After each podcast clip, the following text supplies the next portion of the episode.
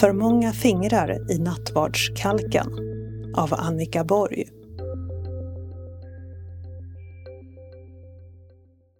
I coronatider blir personlighetstyperna accentuerade.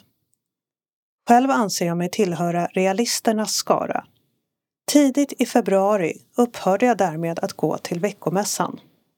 Förvisso finns alltid en kalk för intinktion.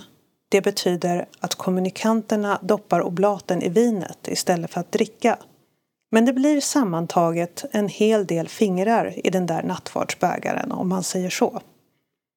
Inte ens för Guds eller min egen frälsnings skull tar jag sådana risker. När påven Franciscus firade påsknattsmässan i en tom Peterskyrka i Rom var det en kraftfull signal och symbol om situationens allvar. Talespersoner sa att så fort coronaviruset blev en verklighet insåg påven att de troende inte längre kunde gå i kyrkan som tidigare. Påven valde då istället att komma hem till de troende genom digitala gudstjänster.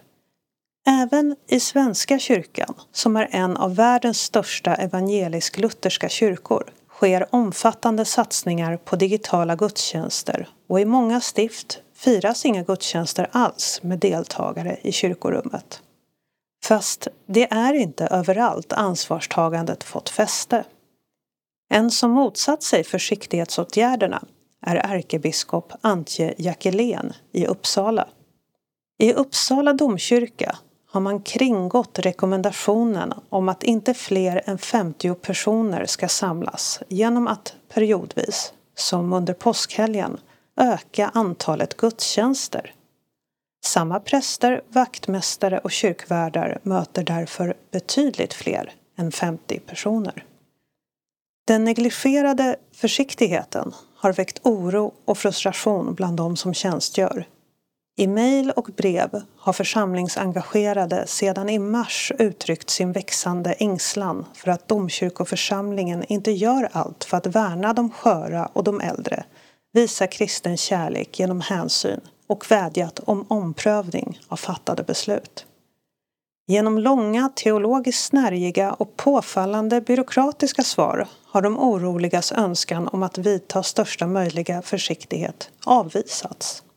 Gudstjänster med besökare pågår fortfarande och långt in på våren delades både bröd och vin ut, förvisso genom intinktion. Men det blir som sagt många fingrar i nattvardskalken. Efter ytterligare vädjan delas nu endast brödet ut.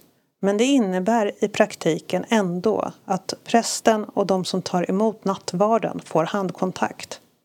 Och intinktion har inte heller helt upphört.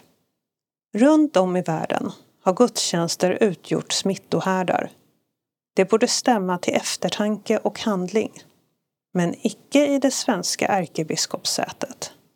Står ärkebiskopen över liv och död som en boende i domkyrkoförsamlingen retoriskt sporde under ett telefonsamtal vi hade precis när kastanjerna slagit ut. En pastor pastorum i Uppsala som inte tar människors sakliga invändningar och oro på allvar i rådande coronaläge har något bergmanskt över sig. Att enligt försiktighetsprincipen undvika smittspridning i kyrkorna borde vara ett kristet imperativ. Likaså att tillskriva människors rädsla vikt. Men det som istället bekymrar vår ärkebiskop är grupper och personer som ofta synliggörs i det offentliga samtalet.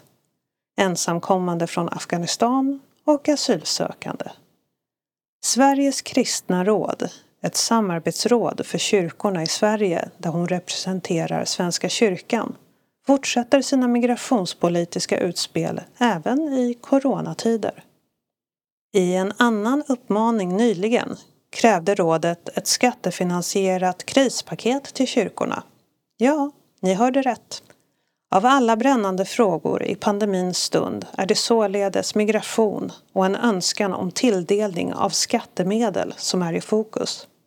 Det är anmärkningsvärt i en tid då äldre avhumaniseras i samhällsdebatten och ses som ett tärande kollektiv vi kan avvara vore det istället en kyrklig kärnuppgift att stå upp för de mest osynliggjorda.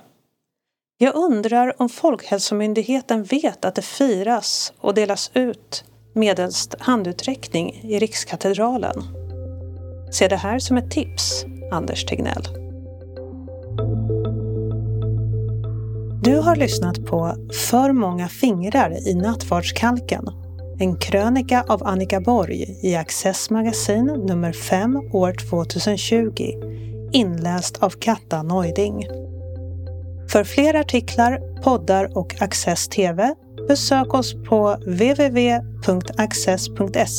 eller följ oss på Facebook och Twitter.